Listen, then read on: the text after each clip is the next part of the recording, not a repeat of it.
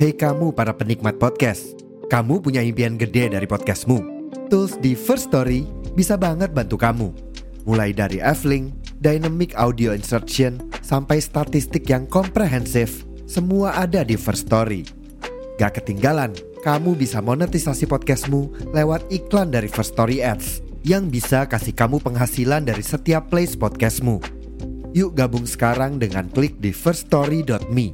Sekali lagi, di firststory.me. Mari kita bawa mimpi podcastingmu menjadi kenyataan.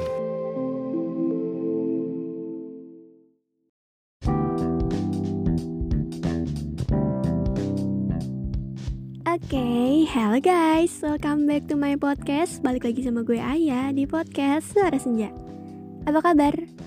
Gue doakan kabar lo semua baik Baik dari fisik, psikis, maupun hati Amin Kalau lo memiliki hari yang buruk hari ini Bukan berarti lo akan memiliki hari-hari buruk selanjutnya Because keburukan yang terjadi di hari ini tidak akan terulang ketika lo menjadikannya sebagai pembelajaran dan juga jembatan untuk membangun hari yang lebih baik.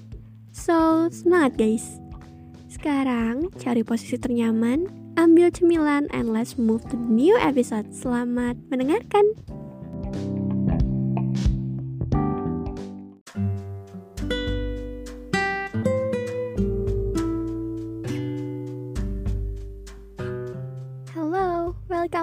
Everyone.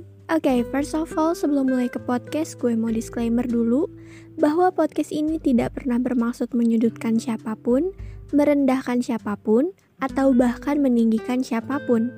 Apa pun yang gue omongin di sini adalah hal-hal yang sering gue temui atau hal-hal random yang ada di pikiran gue. Dan gue sendiri tidak ada niat mendoktrin siapa pun untuk ikut menyetujui apa yang gue sampaikan di sini. Bijaklah dalam mendengarkan podcast ini, kalau ada yang negatif jangan disetujui, dan kalau ada yang positif boleh dijadikan referensi. Jika ada hal-hal negatif yang terjadi setelah mendengar podcast ini dan hal-hal barusan yang sudah gue sampaikan, sudah bisa ditetapkan bahwa itu di luar tanggung jawab gue guys. So, thank you so much. Selamat mendengarkan.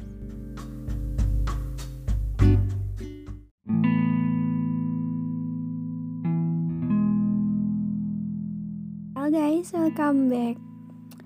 Yap, di podcast kali ini gue mau ngebahas tentang kenapa orang yang cerita kalau dia diselingkuhin justru adalah orang yang paling jago selingkuh. Aneh ya? Kayak dia cerita nih, aku habis diselingkuhin, aku disakitin, aku sedih banget. Padahal aku udah effort itu sama dia. Aku udah ngelakuin yang terbaik buat dia. And then you can see the reality. Karena apa yang diucapkan kadang tidak sesuai dengan kenyataan yang ada. Dan ya, orang yang mengaku bahwa dia diselingkuh itu justru adalah orang yang jago selingkuh, guys. Jadi dialah sebenarnya tersangka utamanya. It is so scared, right? Tapi ya, begitulah. Sangat menyebalkan, bukan kenyataan seperti itu. Karena kenapa bisa gue ngomong kayak gini? Gue adalah orang yang ketemu sama dua manusia yang mengaku pernah diselingkuhi cerita sama gue sedih-sedih bahkan ada yang sampai nangis juga curhat gitu ya intinya. Seperti yang kalian tahu kan aduh sorry super nice seperti yang kalian tahu kan gue ini adalah orang yang suka dengerin cerita.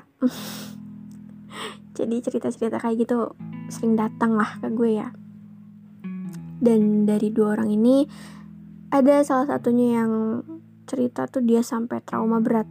Jadi gue cukup simpati sih ya karena kan sebagai sesama manusia gitu ng ngelihat orang lain manusia lain disakitin tuh kayak ada rasa peduli gitu kayak ini orang kasihan banget gitu. Dan gue pun mikir seperti itu gue kasihan banget nih sama orang ini gitu kan. Tapi fun fact gue dikejutkan oleh satu fakta bahwa dia ini bisa menebar perhatian ke banyak perempuan. Kaget gak lo? Uh, gini guys, oke okay, kita langsung to the point aja kali ya. Jadi si orang itu tuh uh, termasuk orang yang deket sama gue deket dalam artian bukan berarti kita menjalin suatu ikatan kayak PDKT gitu ya enggak cuman kayak gue kenal dia dia kenal gue dan kita sering chatan gitu chatan biasa aja sih nggak yang flirting flirting atau kayak gimana gitu. Terus ada satu momen di mana gue ini kan kebetulan punya dua WhatsApp ya yang satu WhatsApp pribadi dan yang satu lagi WhatsApp bisnis itu khusus untuk jualan yang bisnis ini. Nah dia tuh nge-save dua-duanya karena emang awalnya nih gue ngasih nomor WhatsApp bisnis gue ke dia gitu. Terus setelah itu di WhatsApp pertama, gue cek tuh nggak ada story apa-apa dari dia. Tapi pas gue buka di WhatsApp kedua, dia nge-storyin uh, minuman atau makanan ya. Kayaknya, oh makanan. Makanan yang gue nggak tahu itu dari siapa. Dia nge-storyin itu, captionnya thank you, emoticon love. di situ gue langsung kayak, oh ini orang kayaknya lagi PDKT sama orang nih. Gue di situ tuh kayak, ya udahlah gitu kan. Mungkin emang trauma dia tuh sudah sembuh gitu. Dia emang mau mulai lagi sama orang baru gitu. Is oke okay, ya kan? Namanya juga orang gitu. Kalau misalnya dia ngerasa udah bisa mulai hubungan baru kenapa enggak gitu ya kan? Jadi pas di momen itu tuh gue kayak oh ya udah gitu. Gue pun nggak mau lagi ngerespon ya. Gue tuh bukan pribadi yang mau tetap temenan sama cowok saat cowok itu punya pacar. Kecuali pacarnya udah kenal secara personal sama gue jadi ya udah gitu. Tapi kalau misalnya pacar nggak kenal sama gue dan gue pun nggak tahu nih pacarnya siapa bentukannya kayak gimana gue nggak mau. Gue juga menghargai si cewek itu kan. Akhirnya gue lost kontak lah nih sama dia. Dia chat pun nggak gue bales. Cuman yang bikin aneh di story itu selalu galau-galau. Selalu seolah-olah dia belum move on trauma gitu. Intinya sedih-sedihan lah ya gitu. Terus akhirnya kita nih sempat kontekan lagi. Kontekan seperti biasa like a friend pada umumnya. Dan lagi-lagi ketahuan. Dia ini rutin banget ngebantuin gue rutin banget nanya hari-hari gue perhatian like orang yang mungkin mencoba untuk PDKT ya. Dan gue pun tidak sebodoh itu karena gue tahu nih dia tuh emang udah punya cem-ceman gitu kan. Makanya setelah kejadian itu meskipun kita kontekan lagi gue tetap ngasih shield gitu loh supaya nggak terlalu percaya sama orang ini. And damn sepertinya Tuhan mau menunjukkan bahwa dia tidak baik ya. Tuhan tuh sayang banget sama gue. I love you God. Gue lihat di FYP dia nge-repost story eh bukan story video. Dan ngetag cewek. Situ gue kayak weh ketahuan juga mas akhirnya. Tahu nih gue pas lihat tuh kayak mm, keren bagus. Bagus kayak gitu tingkatkan. Enggak dong canda. Nggak mungkin dong masa orang selingkuh disuruh tingkatin? Nggak boleh kayak gitu. Gue nggak bisa bilang ini selingkuh ya karena kan gue sama dia pun gak PDKT gitu kita cuma chatan biasa aja. Cuman maksud gue gini lo kan udah punya cewek nih mas. Harusnya tuh lo nggak chatan lagi sama cewek lain lo nggak usah kelihatan soal lo jomblo. Karena dia ini bilang ke gue dia jomblo cuman ternyata dia punya pacar gitu kan. Gue pribadi demi apa pun gue tidak masalah karena posisinya gue tidak suka sama orang ini. Beda halnya kalau gue suka nih gue pasti galau ini. Cuman yang bikin gue kasihan tuh ke ceweknya dan gue tuh care sama ceweknya mikir kayak ceweknya mungkin sesayang itu sama dia tapi ternyata si orang ini tuh masih ngeresponin cewek-cewek lain di luar sana dan flirting flirting sama cewek lain bahkan ngakunya kalau dia jomblo. Padahal si orang ini itu ceritanya tuh dia trauma. Nangis sedih galau pokoknya. Masih se adik itu dia sama si mantannya ini yang bikin dia trauma. Cuman pas dapetin fakta dia udah punya pacar dan dia masih bisa flirting sama cewek lain itu gue langsung nangkep fakta pantesan aja lo diselingkuhin kelakuan lo begini nggak dong. Tapi gimana ya emang kayak kayak aduh nggak bisa lagi gue ngomongnya. Gak boleh ngomong kasar soalnya. But ya udahlah ya. Sekali lagi kita nggak bisa nebak sifat manusia bakalan kayak apa gitu. Jadi harus bisa lebih meyakinkan diri bahwa gak semua orang itu baik tapi bukan berarti lo harus seuzon sama semua orang ya nggak kayak gitu. Lo harus tetap membatasi diri untuk berkenalan dengan siapa pun even lo udah deket banget sama dia kenal dia secara lama gitu. Itu tidak menjamin bahwa dia itu memang sebaik itu dan lo tidak mengenal dia sebaik itu gitu loh guys. Sama seperti kasus gue yang ini gitu. Jadi orang nih kalau misalnya dia terus-terusan cerita gue trauma gue diselingkuin bla bla bla jangan deh mending lo mundur. Tugas lo adalah untuk menyenangkan diri lo sendiri. Dan luka orang lain sakitnya orang lain itu bukan tanggung jawab lo. Kalau lo ngerasa ini berat untuk lo sembuhkan lebih baik lo pergi. Lo nggak perlu jadi obat untuk orang karena lo ditakdirkan untuk menjadi manusia lo bukan obat gitu. Jadi pada dasarnya lo harus tetap menseleksi lagi, menyeleksi lagi mana orang yang layak untuk lo percayai dan mana yang enggak. Karena ya gini, maksud gue tuh kalau orang, iya gue tahu trauma itu memang susah sembuh karena gue pribadi pun punya trauma tersendiri ya. Cuman kalau dia tuh setiap kali pembahasan masih tentang traumanya, masih tentang luka-luka dia nih, lo patut curiga. Ini orang beneran trauma ini orang beneran korban atau dia tuh nyari attention dari orang nyari validasi dari orang bahwa dia benar. Karena seperti yang lo lihat banyak juga kasus-kasus orang ya dia diselingkuhin sama orang gitu. Dia cerita sama orang lain aku diselingkuhin sama uh, mantanku gitu mantanku jahat bla bla bla. Tapi setelah kita selidiki yang menjadi faktor kejadian seperti itu dari dianya sendiri. Kita nggak bisa membenarkan perselingkuhan. Ya, yeah, that's right. Kita nggak bisa membenarkan perselingkuhan itu sendiri. Cuman gini loh, apakah layak sakit dibalas maaf? Kalau gue pribadi orang yang dendaman, gue nggak bisa banget gue sakit hati, terus gue maafin orang itu dan ikhlas semuanya enggak. Tapi kan ada juga ada orang yang gue sakit hati nih sama dia dia juga harus sakit hati dan akhirnya dia membahas dengan cara serendah itu selingkuh memang. Selingkuh itu memang cara yang paling rendah cuman ada orang yang memilih selingkuh sebagai opsi. Dia bakalan jadiin selingkuh itu sebagai opsi membalas dendam ke seseorang yang bikin dia sakit gitu. Siapa tahu nih orang yang habis diselingkuhin itu yang dia cerita trauma-trauma mulu nih setiap kali lo ngobrol adalah orang yang sebenarnya punya red flag yang parah banget yang bikin si pasangannya ini kehabisan akal. Sampai akhirnya dia memutuskan untuk menjadikan selingkuh sebagai pilihan terakhir untuk membalas dendam si orang itu. Karena banyak kejadian yang kayak gitu juga.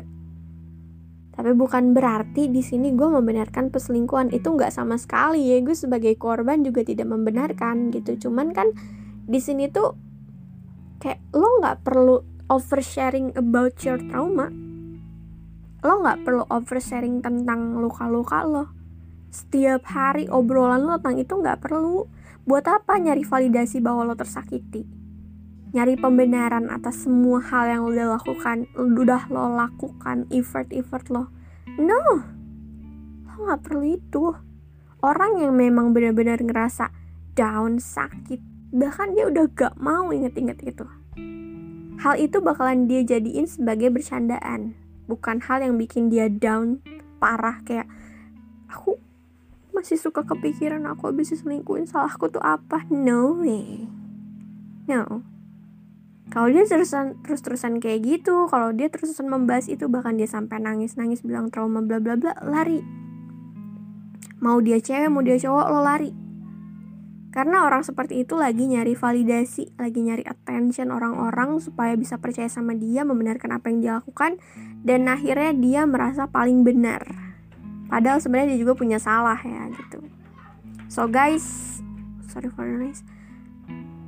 Jadi intinya dari podcast ini adalah curhatan aja sih ya.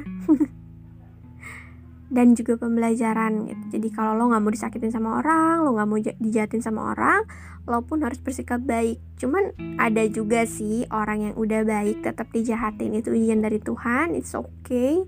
Semua akan baik-baik aja, cuman butuh waktu doang dan untuk lo yang jadi korban diselingkuhin atau apa pun itu it's okay guys it just needed a time mungkin butuh waktu yang cukup lama juga. Kita nggak pernah tahu kan kapan seseorang bisa sembuh gitu. Tapi sekali lagi kalau lo ngerasa itu memang menyakitkan buat lo lo keep sendiri dulu. Lo simpen di satu tempat di mana itu tuh tempat paling aman di hidup lo gitu. Nggak akan lo eh nggak akan mengganggu hidup lo gitu ya. Coba aja di handle oke okay kok So kayak kalau misalnya lo masih kayak nangis-nangis sendirian, lo masih suka ngedengerin lagu galau atau kayak lihat konten di FYP TikTok terus sengaja nggak sengaja gitu kebayang tentang dia, so okay, it's fine.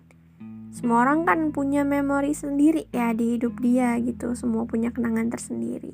Dan kenangan itu adanya memang untuk dikenang, jadi it's okay kalau emang lo masih ngerasa sakit sekarang, it's okay. Cuman kalau orang yang oversharing, gue rasa orang yang emang house attention aja untuk membenarkan apa yang dia lakukan. Begitu guys. Jadi kalau misalnya ada yang datang ke lo dengan bawa cerita sedih jangan dulu simpati jangan dulu peduli jangan. Lo harus tahu dulu nih ini orang topiknya setiap hari sama lo tuh apa? Apakah semuanya tentang luka-lukanya atau ada obrolan lain gitu kalau semua tentang luka-lukanya mah dia cuma nyari validasi aja. Nyari orang yang peduli nyari attention doang. Percaya sama gue. Karena orang yang beneran sakit jangankan untuk bercerita ke orang baru ya. Bercerita ke orang terdekat aja dia masih kayak sulit. Karena emang sakit itu. Gitu guys. Ya astagfirullahaladzim. Kaget gue.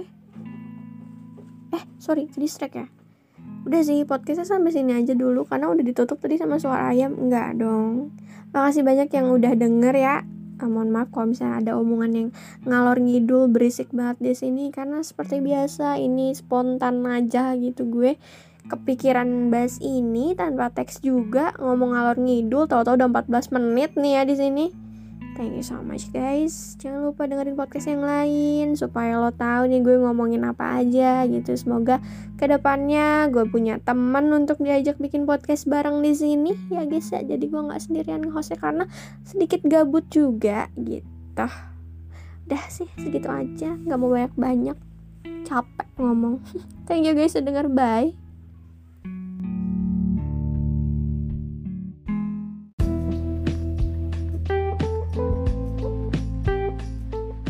That's all, thank you. Applause dulu untuk kita semua.